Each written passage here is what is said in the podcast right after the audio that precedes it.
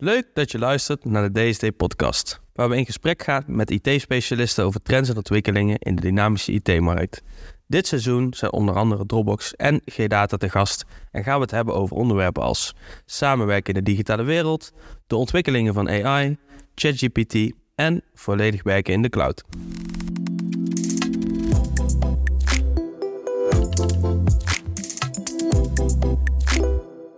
Hi, ik ben Hidde de Vries, accountmanager bij DSD.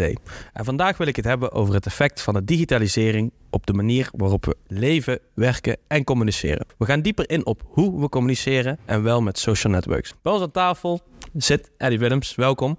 Security evangelist bij G-Data. Voor de luisteraars die jou niet kennen, wil je jezelf kort introduceren? Natuurlijk. Je hebt een prachtige naam trouwens. Ik vind dat ongelooflijk. Ik, ik, heb, ik had hem nog nooit gehoord. Ja, ik ben dus inderdaad ja, Eddie Willems. Ik uh, ben een, wat ze noemen een security evangelist. Um, en wat doet hij? Wel, die gaat in principe al die moeilijke dingen uitleggen in mensentaal. Jip en Janneke taal, hè, noemen ze dat af en toe. Um, en uh, ja, dat is wat ik dagelijks doe. Ik doe dat uh, voor een heel groot publiek. Dat betekent, alle, dat kan ja, voor het gewone gewone publiek, zal ik maar zeggen, maar ook voor experten en soms ook voor de media. En daar hou ik me ook mee bezig. En voor de rest ben ik ook auteur van een aantal boeken, zoals uh, Cybergevaar en Het Virus. Uh, een aanrader trouwens. Uh, maar voor de rest, ja, ik denk ik dat de mensen het maar eens zelf moeten ontdekken wat ik allemaal ga zeggen. Dus dat zegt genoeg. Ja. ja, ik denk een geschikte gast om inderdaad uh, over het onderwerp van vandaag uh, te praten, Eddie. Welkom dat je er bent in ieder geval. Ja, we gaan het vandaag hebben over uh, onder andere over social networks. Um, gebruik je eigenlijk zelf social media en wat post je daar zoal op? Ja, natuurlijk gebruik ik social media. En in principe al heel lang trouwens, uh, voordat de hype er in feite was. Um, ik gebruik ze allemaal. Ik gebruik het vanaf ja, van X tot, nou ja, TikTok heb ik ja, een beetje mee gestopt eerlijk gezegd. Dat, um, maar... Um, al de rest natuurlijk, uh, al de, de grote range zit ertussen. Uh, wat post ik erop? Nou, vooral mijn dingen die ik doe. Dat gaat dan, ja, mijn, mijn eigen. Maar ik denk er wel heel goed over na. Dus uh, het is niet Wat zo. Wat post bedoelt u dan? Ja, ja, ja, ja. Dus het is niet zo dat ik in feite ja, alles post wat dat ik wel degelijk doe. Zoals er heel veel mensen doen natuurlijk. Uh, maar daar zullen we het natuurlijk wel straks over hebben. Maar ja, en, want dat is altijd een beetje het gevaar. Hè? Als je zoveel post. Je hebt ook mensen die werkelijk gewoon alles posten. Ja, je, je, je ziet bijna gaan ze hun leven voorbij komen. Uh, dat heeft zijn positieve kanten, maar dat kan ook zijn negatieve kanten hebben. Ja. Dat is waar. En post je dan voornamelijk uh, zakelijk gerelateerde uh, dingen of, of, of op persoonlijke noot? Wat, uh, het is een combinatie bij mij. Het zijn veel zakelijke dingen natuurlijk. zeker omdat ik hier dan al zo lang in dit vak zit en ook omdat ik inderdaad ook met dit soort zaken bezig ben. Maar het kan ook wel, uh, nou, daar kan effectief ook wel een glas wijn bij te pas komen en dat kan ik ook wel eens posten, dergelijke zaken. De informatie die je deelt op social media, wat, wat gebeurt er eigenlijk mee, uh, Eddie? Ja, dat is natuurlijk altijd een beetje het grotere probleem. Um, het hangt er ook een beetje vanaf voor welk social media je, je bekijkt het. Uh, maar ik zeg maar iets, X of Facebook, dat heeft toch beide verschillende elementen natuurlijk in zich. Je zegt ook dat je daar Um, dat je dat wil doen op een bepaald moment. Uh, je klikt een aantal vinkjes aan in het begin. Veel mensen denken daar ook niet direct over na. Maar wat je deelt kan theoretisch gebruikt worden door dat bedrijf waar dat je natuurlijk die dingen post. En dan hangt het er natuurlijk vanaf of dat ze die dingen ook uh, met derden bijvoorbeeld delen. En als dat met derden gedeeld wordt, ja, um, heb je dat altijd volledig in de hand. Dat is ook weer iets dat niet zo duidelijk altijd is.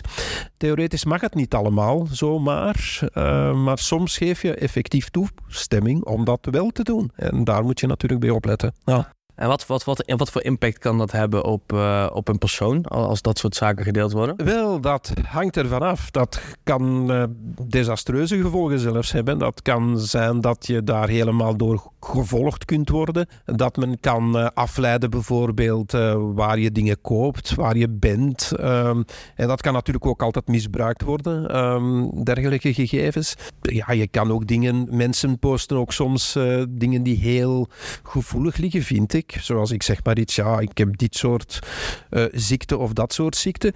Ja, ik begrijp dat wel. Maar langs de andere kant moet je ook realiseren van, kijk, dit kan ook wel misbruikt worden. En, en, en, en daar zit het gevaarlijke natuurlijk. Ja. Ja. Ehm, oké, nou duidelijk in ieder geval, Eddie. Um, er zitten natuurlijk wat, wat kanttekeningen aan aan, uh, ja, aan het delen van, uh, van content op social media.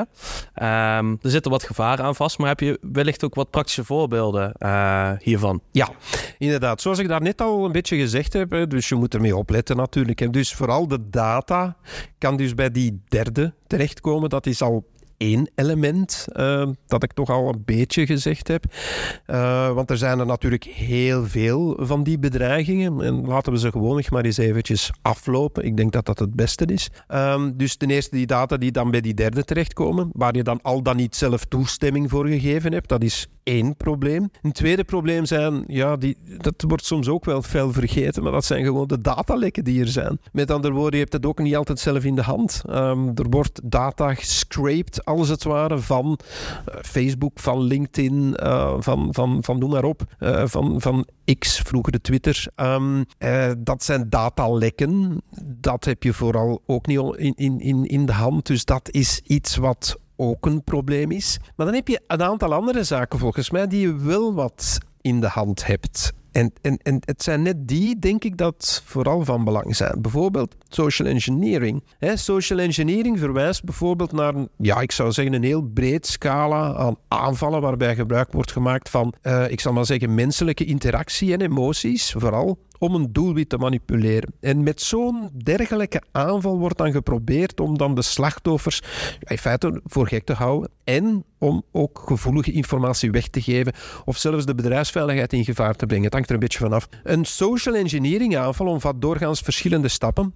Je hebt de aanvaller zal een onderzoek doen naar het potentiële slachtoffer, een beetje informatie vergaren over hem of haar en deze nieuw verworven gegevens dan uiteindelijk gebruiken om die beveiliging een beetje te omzeilen. Vervolgens probeert dan die aanvaller vertrouwen van het doelwit te winnen, voordat hij hem uiteindelijk manipuleert om gevoelige informatie vrij te geven of het ja, beveiligingsbeleid, nou, ik zal maar zeggen, toch een beetje, ja, een beetje een toegang te vinden waar dat hij wil geraken natuurlijk. Dus dat is hoe dat een social engineer in feite te werk gaat. Ik vind dat een van de meest gevaarlijke dingen. En heel dicht daartegen zit, wat mij betreft, de typische phishing aanval. Want uiteindelijk is dat ook een soort van social engineer-achtig iets. Um, dat loopt dan meestal via een e-mail of een online bericht, maar dat kan ook via, laten we zeggen, uh, social media komen. En dan lok je als het ware, de, de, word je gelokt naar een gevaarlijke website, een phishing website, waar je dan gegevens gaat delen. Um, en, en dat kan een gevaarlijke website zijn. Het kan zijn dat daar malware op staat. En dan komen we ineens op dat derde element. um, want iedereen, ja, klikt maar overal op natuurlijk. En het zijn voornamelijk ook die kwaadaardige links die op social media soms ook gepromoot worden. Heel veel wordt daarvan tegengehouden. Dus het is zo dat de meeste social media platformen die houden, of daar zit ook een soort van scanning service op, waarmee dat de meeste van die dingen natuurlijk tegengehouden worden.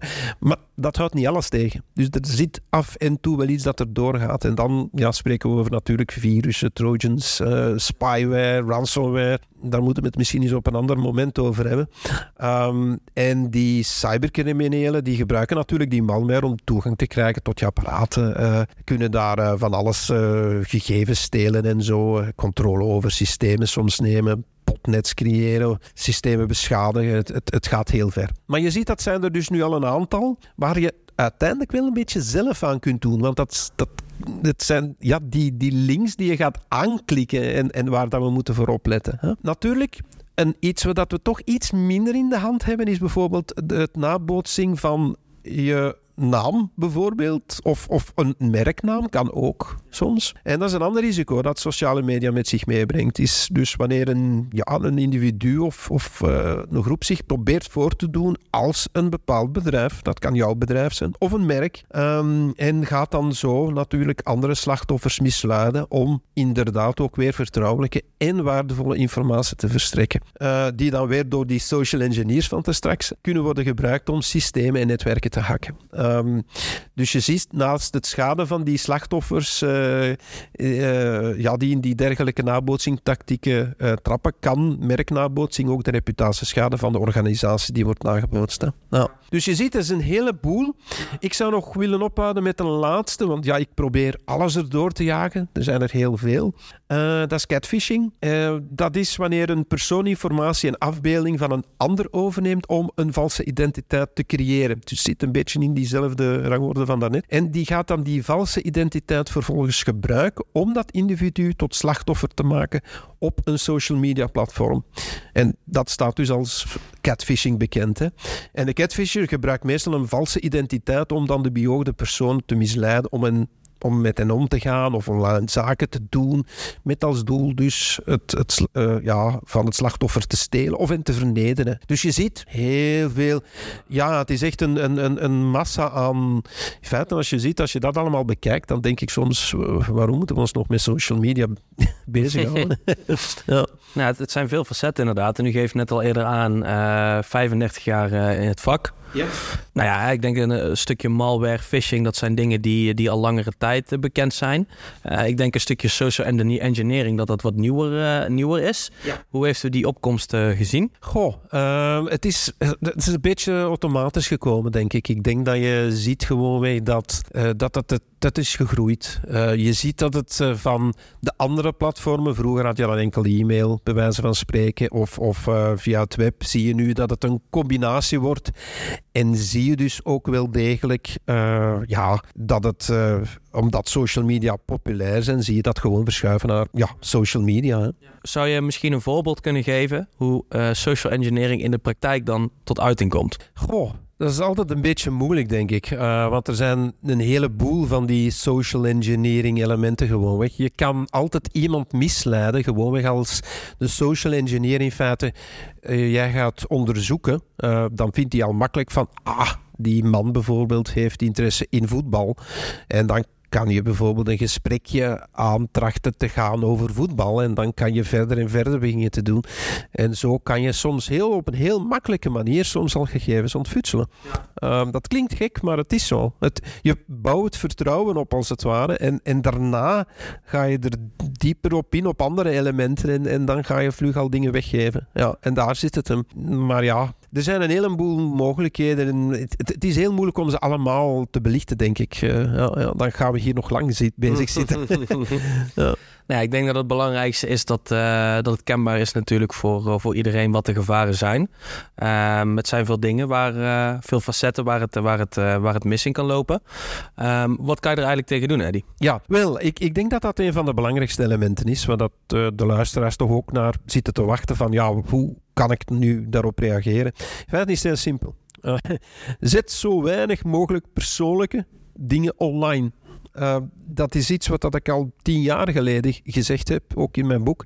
Maar um, ja, dat is iets wat dat we blijkbaar toch nog altijd niet doen. Um, nu, bedoel, social media zijn er natuurlijk om iets online te zetten, maar denk er dan tenminste over na.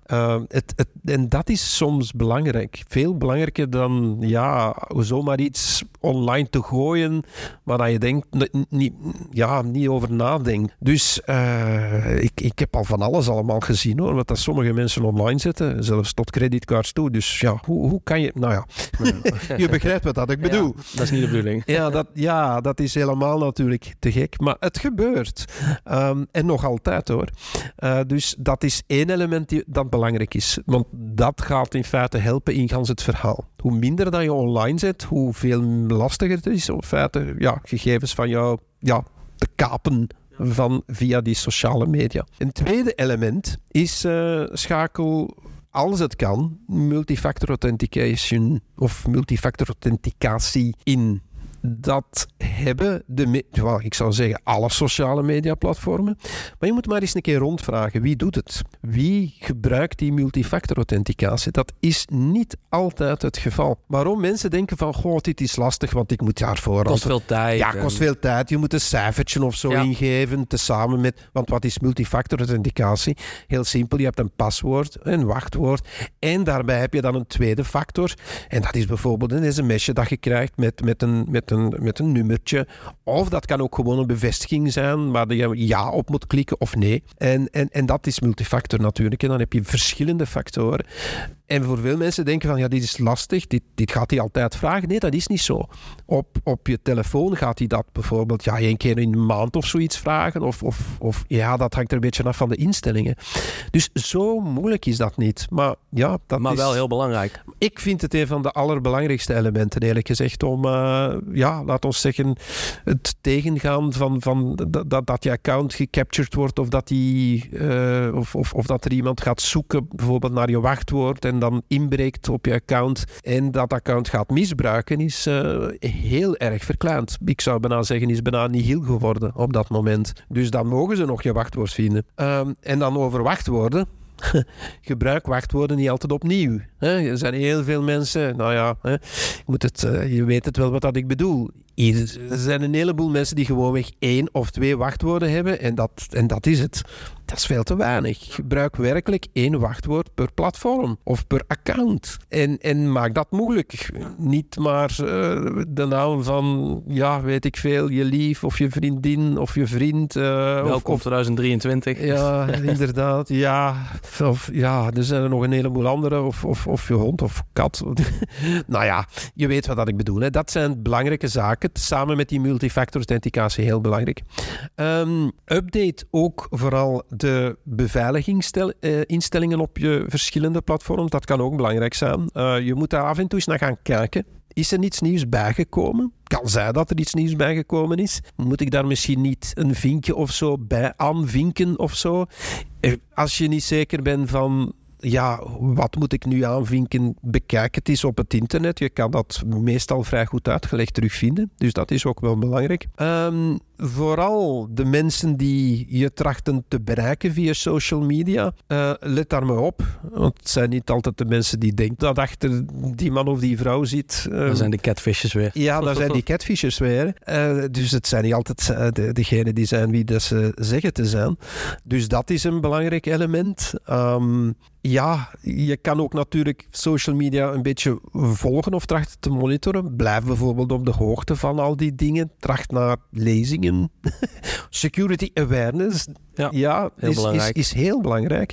Zelfs die security awareness cursussen bijvoorbeeld, die je soms ook uh, kan vinden, uh, die, die geven ontzettend veel informatie en kunnen uh, ook, ook zo van die zaken echt wel verminderen. En, en dus het, het, het risico gaat daar duidelijk mee naar beneden, dat zien we echt wel. Um, ontdek ook hoe dat een phishing-aanval eruit ziet. Probeer dat een beetje te zien. Hè? Dus um, probeer een beetje op te sporen zelf. En door dat op te sporen, ga je zelf feite zeggen van, ah ja, ziet dat er zo uit? Het is niet altijd zo moeilijk. Uh, in e-mail is dat na vanand, nou ja, na vanand makkelijk. Het is te zeggen, je kan soms zien dat het van een verkeerde afzender komt.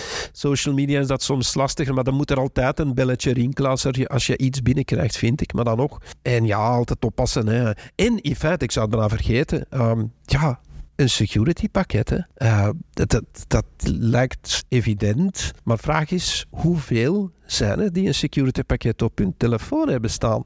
En dat is soms een andere zaak. Dus dat wordt echt vergeten. Natuurlijk, het hangt dan weer af van het besturingssysteem van je telefoon. Want het ene is weer het andere niet. Dus, maar vooral op Android zou ik dat zeker zijn vast aanraden, omdat daar ook de grootste bedreigingen zitten op dit moment. Ja. Nee, dat is inderdaad. Ja, en je geeft, je geeft natuurlijk ook aan met betrekking tot gebruikwoorden, wachtwoorden niet opnieuw. Hè? Verschillende platformen, verschillende wachtwoorden. Er zijn natuurlijk ook behoorlijk wat, uh, wat, wat leaks geweest de afgelopen jaren. Als ik bijvoorbeeld naar mezelf kijk, een hotmailadres van 15 jaar geleden, waar ik misschien nog hetzelfde wachtwoord voor gebruik. Voor sommige platformen is gewoon heel erg gevaarlijk. Um, maar inderdaad, wat je ook daarna aangeeft, met betrekking tot een stukje uh, um, de menselijke factor trainen. Hè, net zoals phishing aanvallen, malware, uh, catfishing. Ja, je zit zelf vaak achter de knoppen. En je kan zelf op een linkje klikken of je kan niet op een linkje klikken. Ja, ik denk dat we mooie, mooie informatie hebben besproken uh, in, deze, in deze podcast. Um, om deze aflevering af te kunnen sluiten. Heb je, heb je wellicht nog, uh, nog enkele opmerkingen, Eddie? Ja, die, ik, ik had het al gezegd. Die menselijke factor is inderdaad de belangrijkste. Uh, in dit geval. Uh, zeker op social media vind ik hem ja, meer dan overduidelijk. En daar kan je zelf iets aan doen. En dan aan de andere kant, ja, de internet nothing, hè. What I post today can be used against me in the future is een beetje wel iets dat, uh, dat altijd natuurlijk uh, blijft gelden op het internet. Hè. Uh, ja, de G-data-oplossingen kunnen natuurlijk iets, kunnen een zeer stevige beveiliging al, die, al, al geven. Maar aan de andere kant, ik zou altijd zeggen, die 0,00001% die we misschien missen, ja, daar ben jij verantwoordelijk voor. En dat is iets wat, dat, ja, wat dat je zelf inderdaad in handen hebt. En daar moet de menselijke factor in feite helpen. En moet je zelf in feite iets tegen doen. En dan kan je makkelijk aan de 100% bescherming. Nou, wellicht dat, uh, dat een ieder die deze podcast heeft geluisterd... misschien iets meer aware is op het gebied van, uh, van persoonlijke beveiliging op dit moment. Dus dan hebben we ons doel in ieder geval bereikt. Nou, dankjewel in ieder geval voor deze podcast, Eddie. Dankjewel voor het overkomen vanuit het mooie Vlaanderen naar, uh, naar, naar Den Bosch. Graag gedaan.